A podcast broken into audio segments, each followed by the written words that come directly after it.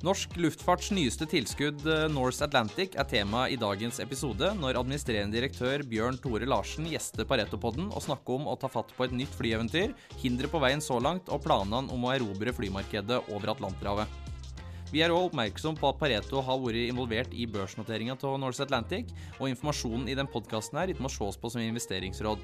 Plasseringer i verdipapirer medfører bestandig risiko, og historisk avkastning er ingen garanti for framtidig avkastning.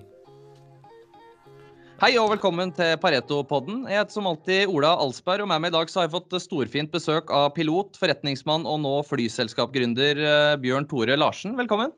Tusen takk. Eh, flyselskapet ditt Norse Atlantic er ja, et friskt pust i norsk eh, luftfart, og overraska nok mange da ikke i midten av mars eh, lanserte med planer om å ta over, eh, eller ta fatt på Norwegians langdistanseflygninger. Hvordan kommer en egentlig på å starte et langdistanseflyselskap midt i en global pandemi som har lagt eh, internasjonal luftfart brakk, Bjørn Tore? Ja, nei, det, det, kan du spørre om. Men det er vel egentlig sånn at det har aldri vært noe bedre tidspunkt å starte et flyselskap. I hvert fall ikke et langdistanseflyselskap, for nå er eh, nå står jo nesten alle flyene på bakken. Og det har gjort at vi har kunnet eh, få noen veldig gode avtaler eh, på innleie av fly som, som, ikke vi har sett tidligere, og som vi kanskje ikke tror vi kommer til å se igjen heller, annet enn i den fasen vi er i nå. Så, så det er en av grunnene. Og den andre grunnen er jo at det ene lang, langdistanse lavprisselskapet som, som, hadde suksess over Atlanteren og som hadde fått en, en god markedsposisjon, de, de beslutta seg for å legge ned eh, satsingen av, av, helt andre årsaker for å, for å redde selskapet. og da, da var kombinasjonen av de to så fristende at vi, eh, vi begynte å jobbe aktivt med det. og Det skjedde her i januar måned. Ja visst, så man må altså ikke være helt uh, gal for å gå inn i fly, fly, flybransjen på det tidspunktet her? ja, litt gæren må det nok være. Ja, det hjelper. Men, det, men det, det, det, gjelder så mye, det gjelder så mange businesser, tenker jeg, at uh, du må selvfølgelig ha veldig tro på det at, at tida er inne, og så må du ha tro på det du skal sette i gang med. Og det har vi.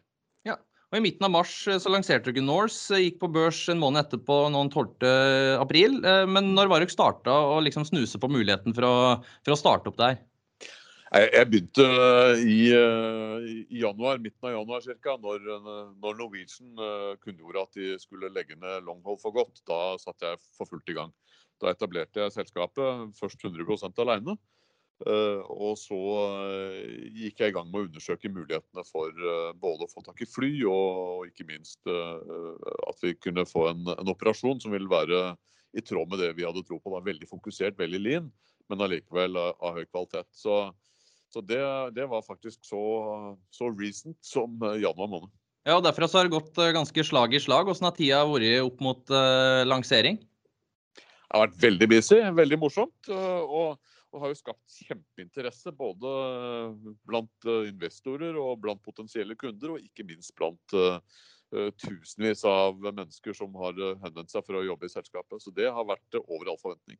Ja, ja Åssen har mottakelsen vært? Er du, det, det lover godt? Ja, jeg lover kjempegodt.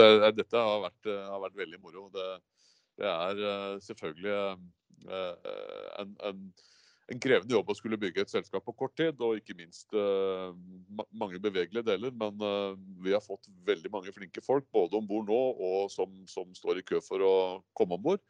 Og veldig god respons fra både investormarked og, og folk som som, har, som, som, gleder seg til å fly med selskapet. Så dette har vært kjempebra.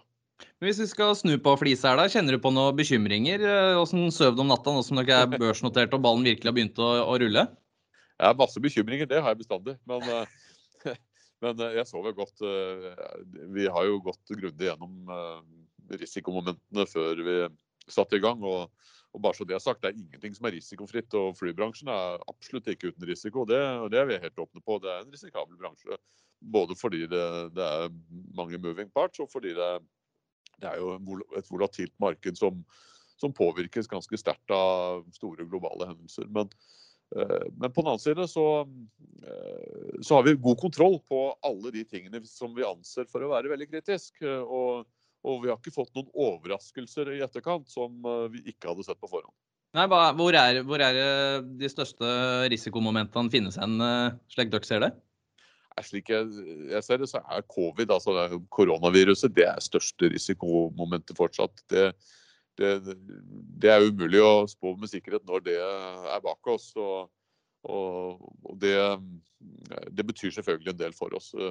Vi har mitigata risikoen ved at vi ikke trenger å sette i gang operasjonen når vi egentlig har tenkt å gjøre det. Vi kan utsette det eh, et halvt år eller et år uten at det får noen store konsekvenser for oss. Men det er klart det er risikofaktor. Nei, for å, altså, å starte flyselskap det er vel uh, neppe bærebære. Hva, hva, slags hinder er det som har, som har dukka opp på veien så langt? Nå er det jo, altså Vi starter opp i, i, januar, så er det enda bare noen få måneder gammelt. Men uh, helt knirkefritt har det vel kanskje ikke gått? Nei, men egentlig så har det gått uh, over all forventning. Vi har ikke fått noen hindre som vi, som vi ikke vi hadde sett på forhånd. Første hinder er jo selvfølgelig å få tak i fly. og det, Der har vi jo allerede sikra oss ni som vi har firm, og vi er i god dialog med å vokse flåten videre. Og det andre hinderet det er eh, å få en god organisasjon. Og, og, det har vi også fått på plass, og, og, kommer til å fortsette å bygge det midt i det nå. Og mm. tredje hinderet det er selvfølgelig å få tak i penger, og, og det har vi også fått. Så, så liksom de tre største hindrene de, de, har vi bak oss nå. Men så er jo eh, så er det selvfølgelig mange ting man skal passe seg for underveis også. Og ikke minst så må vi være veldig påpasselige med kostnadene våre. Vi eh, skal være et lavprisselskap og skal ta posisjonen som det dominerende selskapet på lav pris long hold. Og da må kostnader det må ligge i blodet vårt hver eneste dag. For, men en, en sånn mulig, mulig, hinder her er vel kanskje trafikkrettigheter i det amerikanske markedet. Der var det jo litt uh, tumulter i, i senatet i, uh, i USA. Uh, kan du si litt om hvordan prosessen går der? og om du har, Jeg regner med at du har trua på at det går gjennom? Ja, nei, Det er vi helt sikre på at det kommer til å gå mm. gjennom. fordi eh, Det, det var riktignok eh, en kongress, eh, et kongressmedlem som var ute og, og, uttalte seg om selskapet, men som ikke kjente til hvordan vi var bygd opp og hva vi skulle drive med. Han trodde at vi var et irsk selskap som skulle fly med asiatiske mannskaper, og, og, og vi er et norsk selskap som skal fly med europeiske og amerikanske mannskaper. så det det er vi ikke bekymra for. Og vi har også god dialog med fagforeninger som, eh, som er positive til eh, at vi kommer. Så, så, vi ser ingen grunn til at ikke vi skal tikke alle boksene i forhold til de eh, bilaterale avtalene som er over Atlanteren. Mm. Nå er du ikke godt i gang, har penger i banken eh, og snart fly på bakken når det renner inn jobbsøknader, som du sier. Men eh, vi skal se litt eh, sånn stort og litt langsiktig på det. Hva er, hva er det ønsker å oppnå her? Når er, du, når er du sier er fornøyd med Norse Atlantic? Aldri. Nei, vi, altså, for, du kan jo alltid bli bedre uansett, men det aller første vi skal oppnå, det er å tjene penger. Det er det aller viktigste. Vi er her for å drive business. og for å skape et veldig godt produkt for passasjerene, som gjør at de kommer igjen og igjen. Men vi skal jo også sørge for at vi eh, har en god margin mellom inntekter og kostnader. Så, så, og vi kan alltid bli bedre. Eh, det er ikke alltid at man skal bli størst mulig, for vekst kan koste mye penger, og det er mye risiko i det også. Så vi er mer opptatt av å skape en veldig solid avkastning for aksjonærene våre enn å skulle vokse veldig fort. Men vi blir jo aldri fornøyd. Mm. Og du, du, bor jo i USA, eh, og, og, der har jo vaksinasjonen gått mye raskere enn en her, her, i Europa. Og flytrafikken der innenlands òg tar jo kraftig opp. Eh, peker det mot at det markedet går mot en normalisering rimelig kjapt etter at eh, vaksinene er, er distribuert? Nei, Vi tror det kommer til å gå mot en, en eh, normalisering eh, på kontinentene. Altså Innen USA så flyr jo folk nesten som før. Litt igjen, men, men i hvert fall har de henta igjen kanskje 70-80 av hvordan det var. I Europa så er, så er, det jo veldig lite flyving foreløpig. Og det skyldes jo at det er ulike land som er involvert. Men vi tror eh, når vaksinasjonsprogrammene er rulla ut, så vil man åpne innen, innen, Europa også. Og Så tror vi det tar litt lengre tid før du åpner mellom kontinentene. og da, da tror vi at uh, Europa og USA kommer til å være de to kontinentene som det kommer til å bli åpna først. Men, mm, og der dere tilfeldigvis har, eh, har et, et, godt antall flyruter?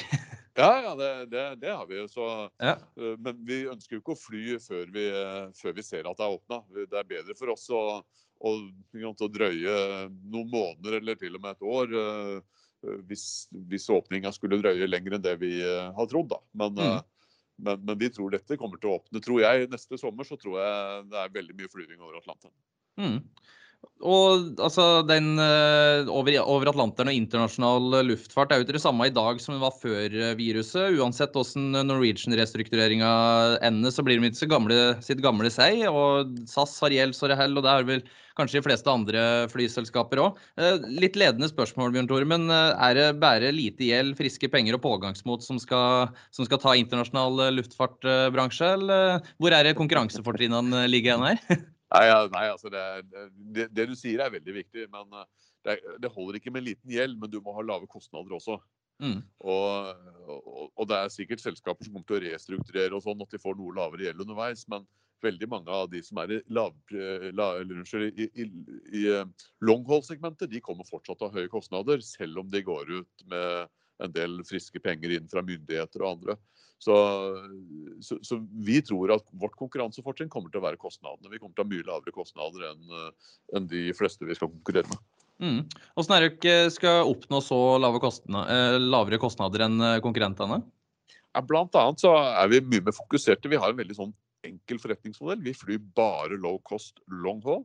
Vi, eh, vi, er ikke en del av noen sånn uh, legacy uh, carrier med det du kaller sånn hub and spoke-struktur. Vi, vi, har en veldig kompakt og fokusert organisasjon som, som gjør at,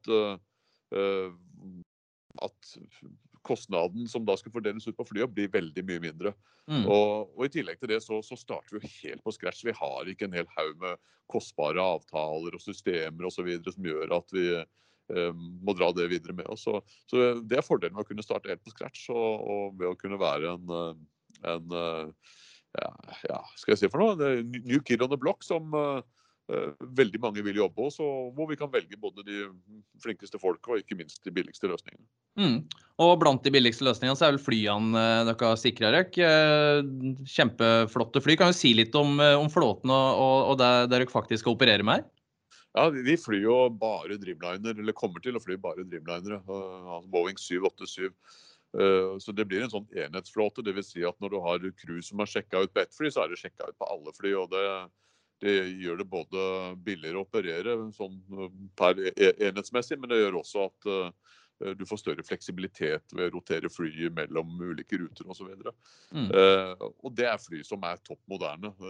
De er jo sammen med Airbus 350 eh, de som bruker minst fuel per, per passasjerkilometer. Og, og, og, har lavest utslipp også. Så, så, så dette er framtidsretta fly. Mm. Og lave leasingpriser har dere vel fått for dem òg. Mener jeg husker det var rundt en 50% av hva, vanlig, eller hva leasingprisen var før pandemien? Ja, du er godt informert. Det er veldig lave leasingpriser. Så det er, det er halv pris av hva, hva, det ville vært før pandemien. Det er riktig. Mm. Men uh, nå, nå, er tolv fly klare, jobber med å sikre flere naturligvis. Hvor mange fly er vi kan vente oss i, i stallen innen noen, års, noen få års tid? Ja, da må jeg presisere, Vi har ni som er firm, og så forhandler vi om å øke flåten. Og vårt mål er å ha et sted mellom 15 og 20 fly før vi har, har den stallen som vi skal ha i første omgang.